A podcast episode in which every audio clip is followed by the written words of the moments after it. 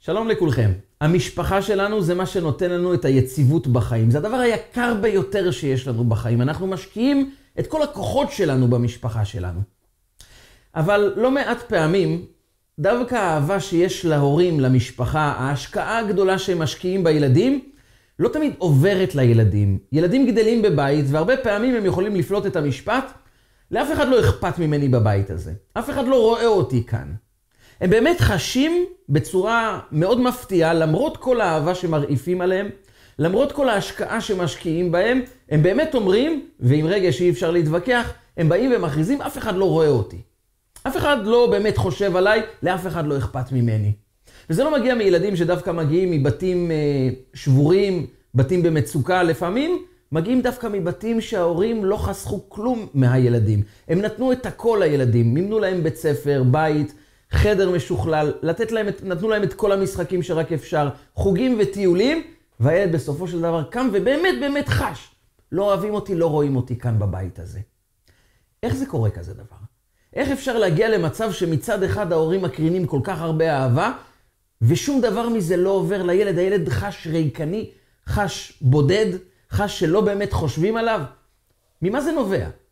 אנחנו יכולים לפתור את הבעיה בצורה מאוד פשוטה ולהגיד, זה דור כזה, זה דור כזה שהוא כפוי טובה. מרוב שהוא מקבל, הוא לא מעריך שום דבר, ולכן אולי כדאי לחזור לשיטות הישנות, אז הוא היה מבין קצת יותר טוב איך צריכים להתנהג בחיים. אולי יש כאן איזה נקודה, אבל יש כאן דבר בסיסי יותר, שאנחנו צריכים לתת את הדעת עליו, כי הילדים הרבה פעמים מבטאים סוג של אמת שאולי הם לא יודעים לומר אותה, אבל הם יודעים לחוש אותה, ולכן אנחנו צריכים להתבונן, מה בעצם הנעלם, מה המרכיב הסודי שיוצר משפחה קשורה, שמעביר אהבה מהורים לילדים, והילדים גם חשים את האהבה האינסופית של ההורים, ומחזירים גם אהבה אינסופית להורים שלהם. מה המרכיב בעצם שיוצר משפחה קשורה? והאמת היא שאין יותר טוב מפרשת ויגש כדי ללמוד על איך יוצרים משפחה קשורה באמת. פרשת ויגש נמצאת בתפר בין המשפחה הכואבת, האבלה, המפורדת, עם המון מחלוקות, לבין הרגע שהמשפחה חוזרת ומתאחדת בחזרה. יוסף הצדיק בתור ילד גדל בבית שהאחים שונאים אותו. אין יותר גרוע משנאה בתוך המשפחה. מריבות בתוך המשפחה זה מסיר את הבסיס שעליו המשפחה עומדת. ואז הם מוכרים את יוסף, יעקב שומע שיוסף נעלם, הוא הבין ש... חיה רעה חלטו, הוא נטרף, ואז הוא מתחיל להתאבל. אבלות שתימשך למעלה מ-20 שנה על הבן שנעלם. האחים מרגישים שהם עשו איזה סוג של טעות, והם כועסים על יהודה, שהוא היה המנהיג של האחים, ואומרים לו, למה, למה גרמת לנו להגיע למקום הזה? הם הורידו אותו מגדלותו, למרות שהוא היה נחשב מלך האחים, הוא הולך למקום אחר, שני הבנים שלו נפטרים, האחים כואבים, משפחה מפורקת לחלוטין, ואז מגיע גם רעב. והם יורדים למצרים, והשליט של מצרים, שהם כעת לא יודעים שזה יוסף הצדיק, אותו שליט מתחיל להתעלל בהם, מתחיל לדרוש מהם כל מיני בקשות מוזרות, להאשים אותם בכל מיני האשמות, והשיא היה שהוא אומר להם, רגע, אמרתם שאתם 12 אחים. אחד נעלם, ויש אחד שנמצא עם אבא שלכם. אני רוצה לראות אותו כדי לבדוק האם אתם דוברי אמת או לא. והם מבינים שזה יהיה מסובך. יעקב לא מעוניין לשחרר את בנימין, הוא לא מעוניין שבנימין יצא לדרך מסיבה אחת מאוד פשוטה. הוא אמר לאחים, אמא שלו נפטרה בדרך, האח שלו, יוסף, גם נהרג בדרך. זה בעיה משפחתית, כנראה שאם הוא יצא לדרך גם לא יהיה איזה אסון, ואני לא מוכן לשחרר אותו. האחים חוזרים לישראל ומסבירים ליעקב, אם אנחנו לא נרד ביחד עם בנימין למצרים, הוא לא ייתן לנו אוכל, וכעת יש רעב ואנחנו נמות כולנו. יעקב לא מוכן לשמוע שום דבר, הוא לא משחרר את בנימין. עד שהגיע הרגע שכבר אי אפשר יותר, ואז הוא אומר להם, טוב, תיקחו את בנימין. יהודה מקבל ערבות על בנימין, והם יורדים למצרים כדי לקחת אוכל ומתפללים שהכל יעבור בשלום. בהתחלה זה מתחיל בסדר גמור. הם מתארחים אצל יוסף, הוא מקבל אותם בסבר פנים יפות, הוא מארח אותם על שולחנו, ואפילו מראה להם את הגביע המיוחד שיש לו, שאיתו הוא מנחש כל אחד מה מעמדו במשפחה, מי הבכור, מי האדם השני, מי הבן של איזה אם, ומתפלאים ומשתהים לראות איך הוא מצליח לנחש דרך הגביע המיוחד שיש לו. הם נפרדים לשלום, הם לוקחים צידה לדרך ועולים בחזרה לארץ ישראל. עד שהצבא של יוסף עוצר אותם. הם נעצרים בעוון גניבה. הם לא מבינים למה מאשימים אותם בגניבה ואומרים לשר הצבא, לאחראי, תבדוק אותנו, אנחנו לא גנבנו שום דבר. והוא בודק בתיקים של כולם, הוא מתחיל מהגדול והוא מסיים אצל הקטן, אצל בנימין. כשהוא פותח את השק שלו, מוצאים לא פחות מהגביע של יוסף. הגביע שאיתו הוא מנחש ויודע כל אחד מה מעמדו במשפחה, ואז הם אומרים לאחים, אנשי הצבא באים ומאשימים את האחים, איך גנבתם? למה גמלתם רעה תחת טובה? הוא נתן לכם ואתם גונבים? הם לא יודעים מה לעשות, הם קורעים את הבגדים וחוזרים למצרים, ויוסף אומר להם, זה מאוד פשוט, מי שגנב, יהיה כאן לעבד לכל חייו, ואתם עלו לשלום אל אביכם, אתם יכולים לעלות בחזרה לישראל. וכמובן, זה הדבר האחרון שמתכננים לעשות. הם יודעים שאם הם יעלו בלי בנימין, זה יהיה הסוף של יעקב אבינו. וכאן מתחילה פרשת השבוע. ויגש אליו יהודה, יהודה ניגש בתוקף, בעוצמה, באחריות אינסופית, כי הוא מחליט שהוא מוסר את נפשו עבור הילד הזה של רחל, האח של יוסף. הוא בעצם מבין, אנחנו הפקרנו את האח שלו הגדול, אבל על הלך הקטן הזה, אנחנו נמסור את הנפש שלנו, אנחנו נילחם עד טיפת הדם האחרונה. והוא מתחיל לדבר עם יוסף ומשכנע אותו. אל תיקח את הילד הזה לעבד. ואז הוא אומר משפט אחד מאוד מוזר. הוא אומר לו, ואם נעלה לאבא שלנו, והנער איננו איתנו, ונפשו קשורה בנפשו. נפשו של אבא שלנו, יעקב, קשורה בנפש של הילד הזה, בנימין. אתה לא יכול לקחת אותו לעבד, ונפשו קשורה בנפשו. הוא ימות אם בנימין לא עולה בחזרה. כל המפרשים מנסים להבין דבר אחד מאוד פשוט. למה אתה חושב, יהודה, שזה מעניין את השליט המצרי? השליט המצרי אומר, היה כאן מעשה נוכלות, מעשה גזלה, לא סתמי, אלא גניבה וגזלה של אחד הדברים החשובים ביותר במלכות של מצרים.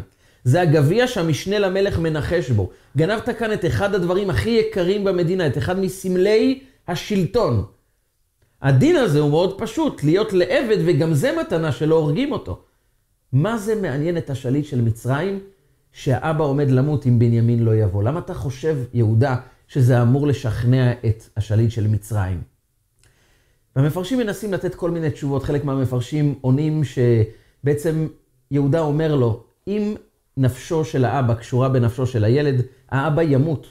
אם בנימין לא יעלה בחזרה. ואם האבא ימות, גם הילד הזה ימות, כי נפשו קשורה בנפשו. ואם הוא ימות, גם ככה הפסדת את העבד הזה. אז בוא תיקח אותי במקומו. זה היה בעצם מסר של תועלת, למה לא כדאי לך לשמור על בנימין. אבל יש כאן פירוש נוסף, שמביא בעל הטורים, רבי יעקב בעל הטורים, אחד מגדולי פרשני התורה ואחד מגדולי פוסקי ההלכה, מי שחיבר את הספר הטורים, בסיס השולחן ערוך, והוא אומר את הדבר הבא. בכל התנ"ך כולו, יש רק פעמיים שמופיעה המילה קשורה. בכל התנ"ך המילה קשורה מופיעה רק פעמיים. פעם ראשונה, אצלנו בפרשת השבוע, ונפשו קשורה בנפשו. דורות מאוחר יותר, בספר משלי, שלמה המלך בא להסביר מה יהודה אמר ליוסף במילים, ונפשו קשורה בנפשו. והוא אמר את המשפט הבא: איוולת קשורה בלב נער, שבט מוסר ירחיקנה. הוא בעצם בא להסביר מה יהודה אומר ליוסף. אומר שלמה המלך, הוא אמר לו, איוולת קשורה בלב נער.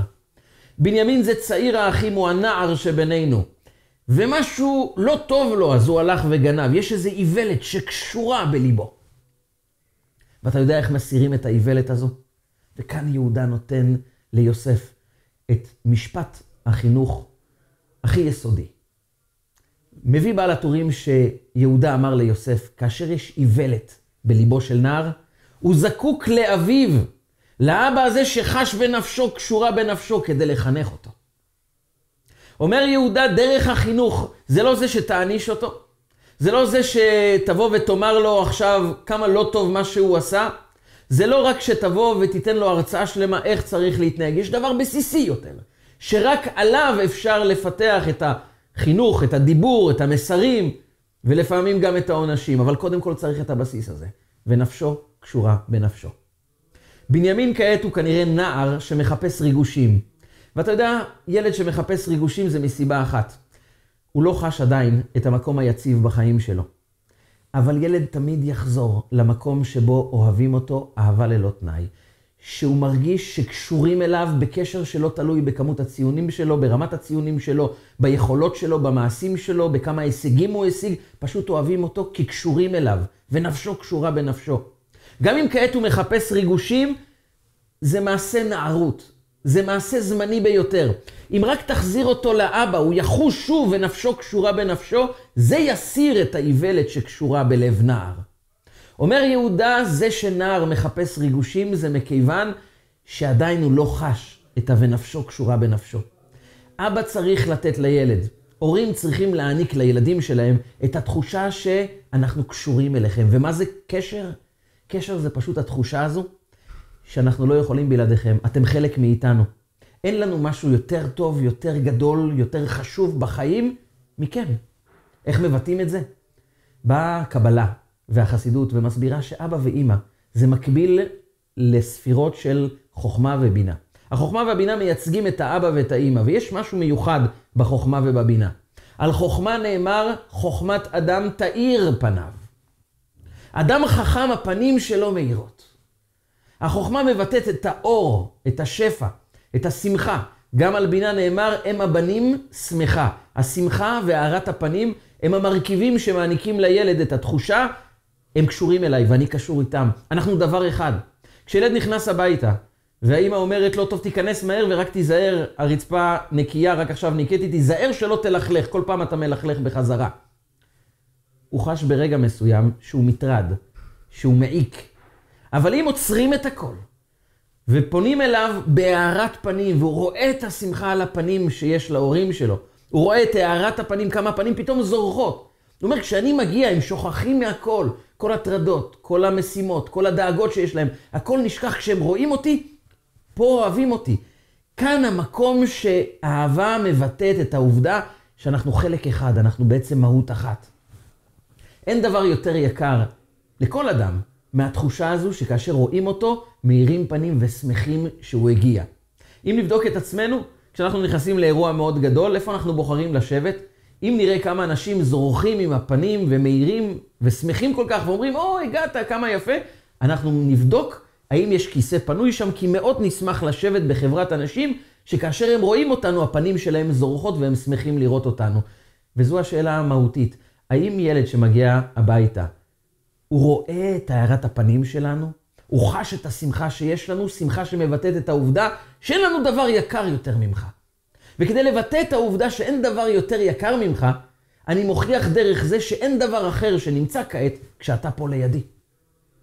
מספרים על ילד שכשאבא חזר מהעבודה, עייף, טרוד, קצת לחוץ, והבן ניגש אליו עוד לפני שהאבא התיישב לארוחת הערב ושאל אותו, אבא, תגיד לי, יש לי שאלה, כמה אתה מרוויח לשעה בעבודה שלך?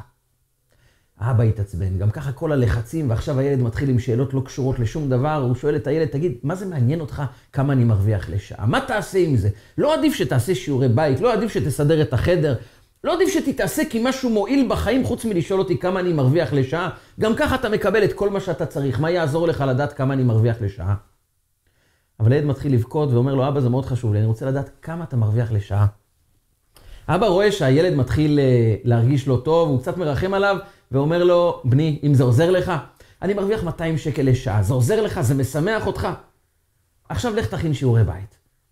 הילד עולה לחדר וחוזר אחרי כמה דקות עם קופת החיסכון שלו, והוא מתחיל לספור שטרות וכמה מטבעות, ואומר, אבא, יש לי פה רק 100 שקל, אני יכול לקנות ממך חצי שעה שתהיה רק איתי? זו השאלה הבסיסית. בזמן שההורים מקרינים אהבה דרך זה שהם אומרים, אני קניתי לך ורכשתי לך את כל הציוד לבית הספר, שיפצתי לך את החדר וצבעתי לך אותו בדיוק כמו שאתה רוצה, ואני מממן לך גם טיולים וגם חוגים, וכל בגד שאתה רוצה אתה מקבל. הילד שואל שאלה אחרת, מבחינתי אהבה זה ונפשו קשורה בנפשו. זו התשוקה הבסיסית. על זה אפשר לבנות עוד קומות, אבל הקומה הבסיסית, שעד שלא בנינו אותה, הילד יחוש לא רואים אותי, לא שמים לב אליי. זו השאלה הבסיסית, האם אוהבים אותי? פשוט אותי, מקבלים אותי, מקבלים אותי איך שאני. המקום הזה הוא מקום שבו אני יכול לחוש שכאן יאהבו אותי ללא תנאי, שמחים לראות אותי, אוהבים אותי בגלל מי שאני, כי המציאות שלי משמחת. אנחנו צריכים לפעמים להפוך את צורת החשיבה שלנו מחשיבה שעבורנו האהבה מתבטאת בזה שאנחנו קמים בבוקר מוקדם ועובדים מעלות השחר עד צאת הנשמה לפעמים, עובדים מאוד קשה, רוכשים, דואגים, טרודים, כל חיינו אנחנו מקדישים לילדים, זה מבחינתנו מבטא אהבה. אבל אהבה לא יכולה להתחבר בין שני בני אדם, כאשר רק צד אחד חושב איך אני מבטא אהבה, ומבחינתי זה מה שמבטא אהבה, ותו לא. הילד צריך משהו אחר. אחרי כל הדברים הטובים, או יותר נכון, לפני כל הדברים הטובים, הוא זקוק לדבר אחד, לחוש שכשהוא מגיע הביתה, הפנים מאירות. שמחים לראות אותו, ופשוט לוקחים זמן אישי איתו שמבטא ונפשו קשורה בנפשו. ילד שמקבל את היציבות הזו, את החום הזה, את המקום הכל כך ברור ששם אוהבים אותך כפי שאתה, ותמיד אנחנו קשורים אליך וזה לא משנה למה אתה, מה אתה עושה ולאיזה הישגים הגעת. אתה בעצמך קשור אלינו, אוהבים אותך. גם אם איוולת קשורה בלב נער, גם אם הוא מחפש ריגושים בחוץ, תמיד בסופו של דבר הוא יבחר לחזור למקום הכי יציב, ונפשו קשורה בנפשו. אומר יהודה ליוסף, תדע לך, שכמה שהוא לא בסדר, זה רק חיפוש של ריגוש מאוד רגעי בגלל שהוא נער. אבל תדע לך, אם הוא יהיה צמוד לאבא שלו, קרוב לאביו, האבא הזה יודע לבטא את ה"ונפשו קשורה בנפשו". הוא יודע לומר לילד, אתה יקר בעיניי כפי שאתה. זה אהבה, זו אהבה שמגיעה לא רק מכיוון אחד, אלא אהבה שבעצם מחברת בין שניים. אנחנו צריכים לזכור את התובנה המאוד בסיסית הזו, שיש את הצורה איך שאנחנו מבינים, ויש איך הילד מבין. מספרים לצורך הדוגמה על עובד אדמה אמריקאי שהיו לו שדות מאוד גדולים בארצות הברית, והוא הגיע לבקר בארץ ישראל והוא פגש מושבניק שגם מעבד את השדה, והוא רצה ללמוד על השיטות בישראל איך לעבד את האדמה, והוא ביקש מאותו מושבניק לבוא ולראות את השדה שלו. הוא בשמחה אירח אותו והראה לו את השדה, והאמריקאי נדהם לראות איזה שדות קטנים יש בארץ. הוא רצה לומר למושבניק, תראה, השדות שלי הם שדות אינסופיים, הרבה יותר גדולים. הוא חשב איך לומר את זה לישראלי בעדינות, ואז הוא אמר לו, אתה יודע, כשאני לוקח את הטרקטור שלי בבוקר ומתחיל לעבד את האדמה, אני מגיע רק בערב לסוף השדה. רק שתבין. והישראלי מסתכל עליו ואומר לו, אה, גם לי פעם היה טרקטור כזה שבקושי זז. אני ממליץ לך להחליף אותו, גם אני היה לי פעם טרקטור כזה, החלפתי אותו. כל אדם מסתכל מהכיוון שלו וככה הוא קורא את הסיטואציה, את המציאות. אבל אנחנו צריכים רגע לעצור ולהביט איך הוא רואה את הדברים, איך הוא מסתכל על זה. לא מה אני מבטא אהבה, אלא מה הילד זקוק כדי לחוש נאהב. וזה המסר, ונפשו קשורה בנפשו. זה כל כך עוצמתי, ה"ונפשו קשורה בנפשו", לחוש שהאבא והאימא לא מוותרים על הילד, הם חשים שהוא חלק מהם ולעולם הם לא יתייאשו ממנו.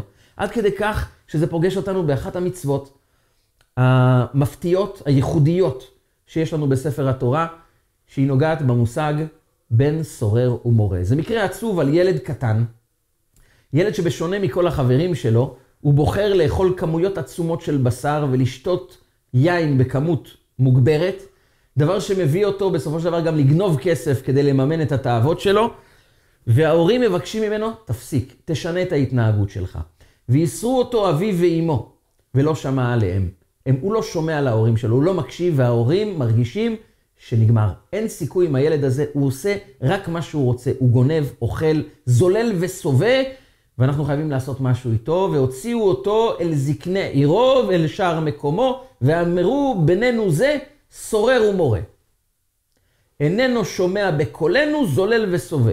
הילד הזה לא שומע, רק אוכל, רק סובא, רק עושה שטויות, לא מקשיב לאף אחד, מה עושים איתו? ובמקרה שהוא כל כך נדיר עד כדי כך שחלק מהדעות בתלמוד אומרות שלעולם לא יהיה מצב כזה של באמת בן סורר ומורה, אבל המצב הוא כל כך קשה של אותו ילד, עד כדי כך שהתורה מעידה שאם הוא יגיע לסיטואציה כזו, הוא יגדל בוודאי להיות גזלן, רוצח המונים, שיממן את כל התאוות שלו דרך כספם של האנשים שהוא הרג. ומכיוון שזה כל כך גרוע וכל כך ודאי שהוא יגיע למקומות לא טובים בחיים שלו, לכן אמרה התורה, ימות זכאי ועל ימות חייו. כבר כדאי שהוא יסיים את חייו כעת, ולא יסיים את זה מאוחר יותר, כאשר כבר הוא ייתפס על המון רציחות, גזלות וגנבות שהוא יבצע. כדי שהוא לא יגיע למקום הזה, כבר כדאי לגמור את הסיפור איתו מיד בהתחלה. כמה שזה כואב, זה כדי למנוע מהאסון שיבוא מאוחר יותר. וכאן מפתיעה הגמרא, התלמוד במסכת סוטה אומר את הדבר הבא. כל זה רק כאשר ההורים מסרו את הילד ואמרו, לנו אין מה לעשות איתו. אבל אם ההורים מרחמים עליו, הם יכולים לומר לבית הדין, אנחנו מרחמים עליו ורוצים שהוא יחזור הביתה. אם הם אומרים את המשפט הזה, מחזירים אותו הביתה וכל הדין מבוטל. וכאן ההפתעה הגדולה.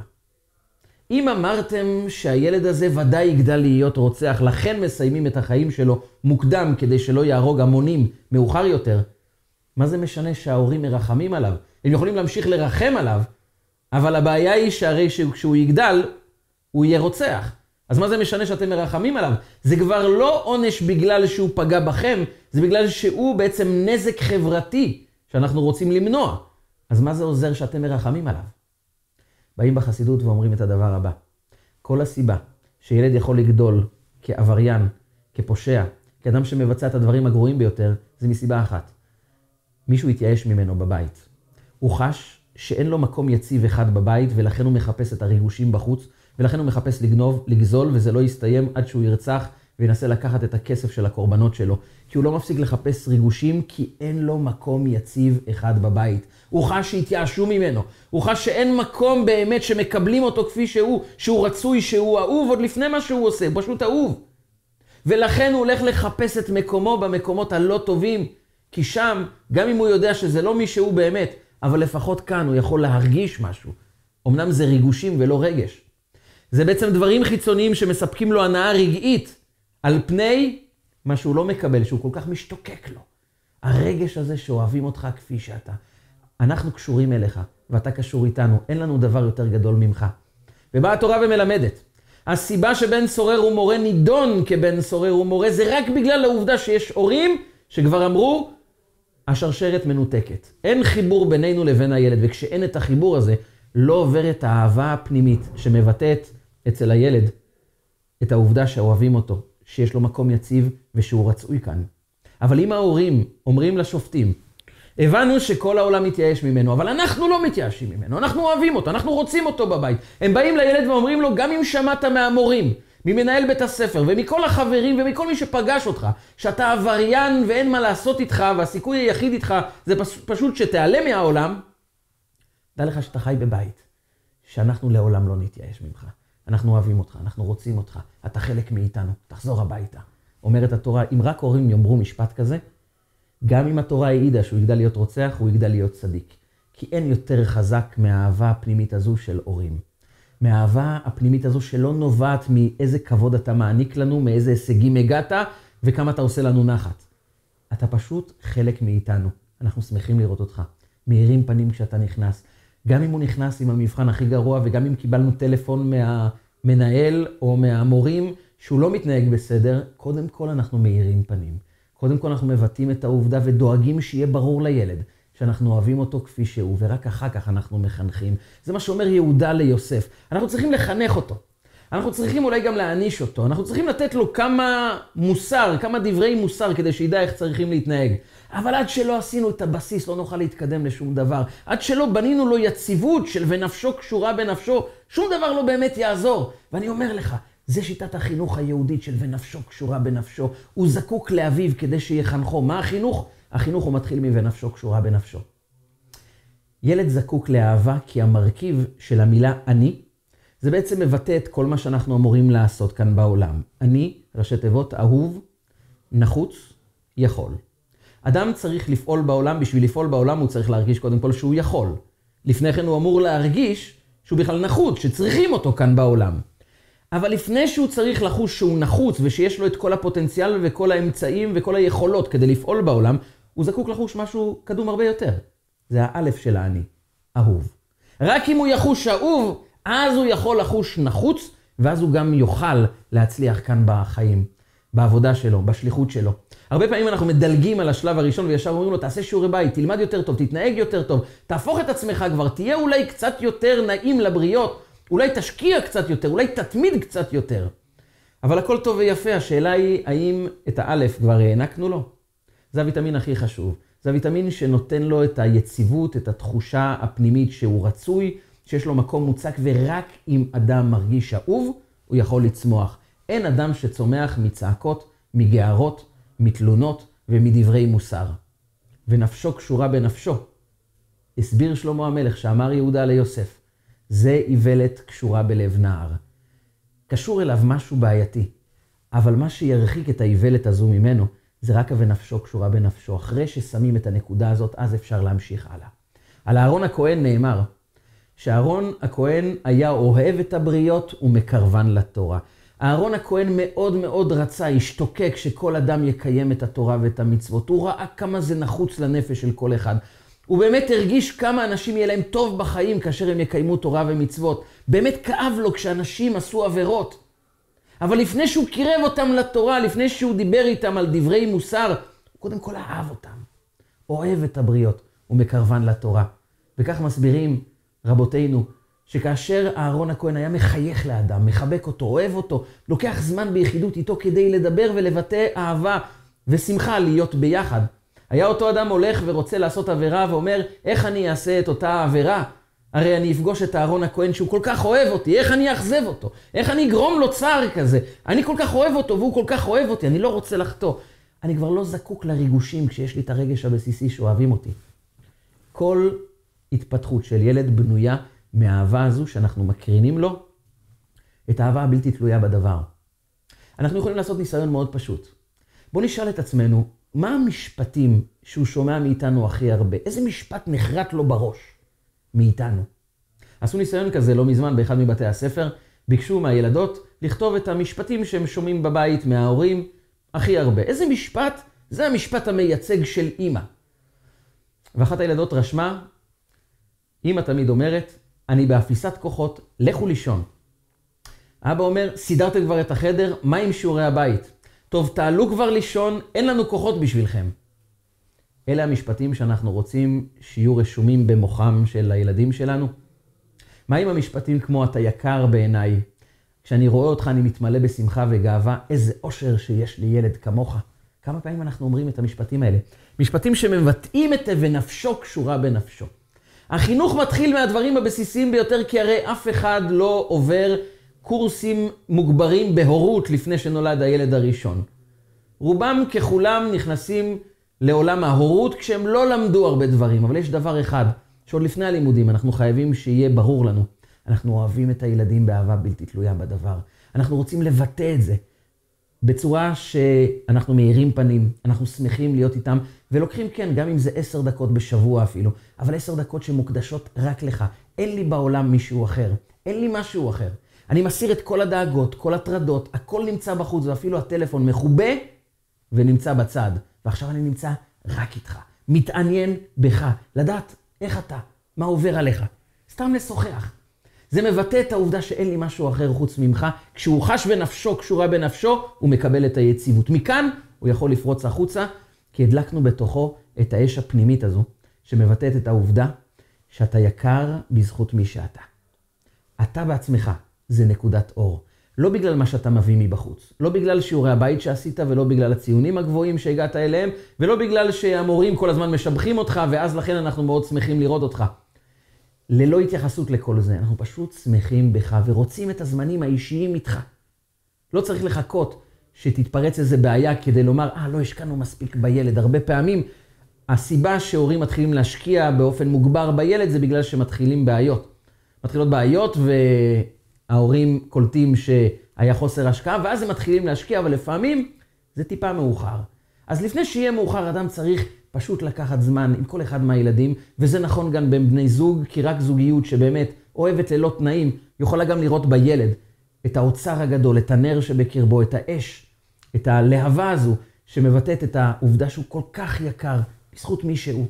וכשילד מרגיש שזו אהבה בלתי תלויה בדבר, הוא מרגיש שדולק בתוכו, דולקת בתוכו להבה של אהבת אמת, ונפשו קשורה בנפשו. זה ייתן לו את היציבות, את החום, את החוסן, את הרוגע, את השלווה הנפשית, שהוא מרגיש מקומי מובטח כאן בעולם. כל מה שנשאר לי זה להיות רק יותר טוב.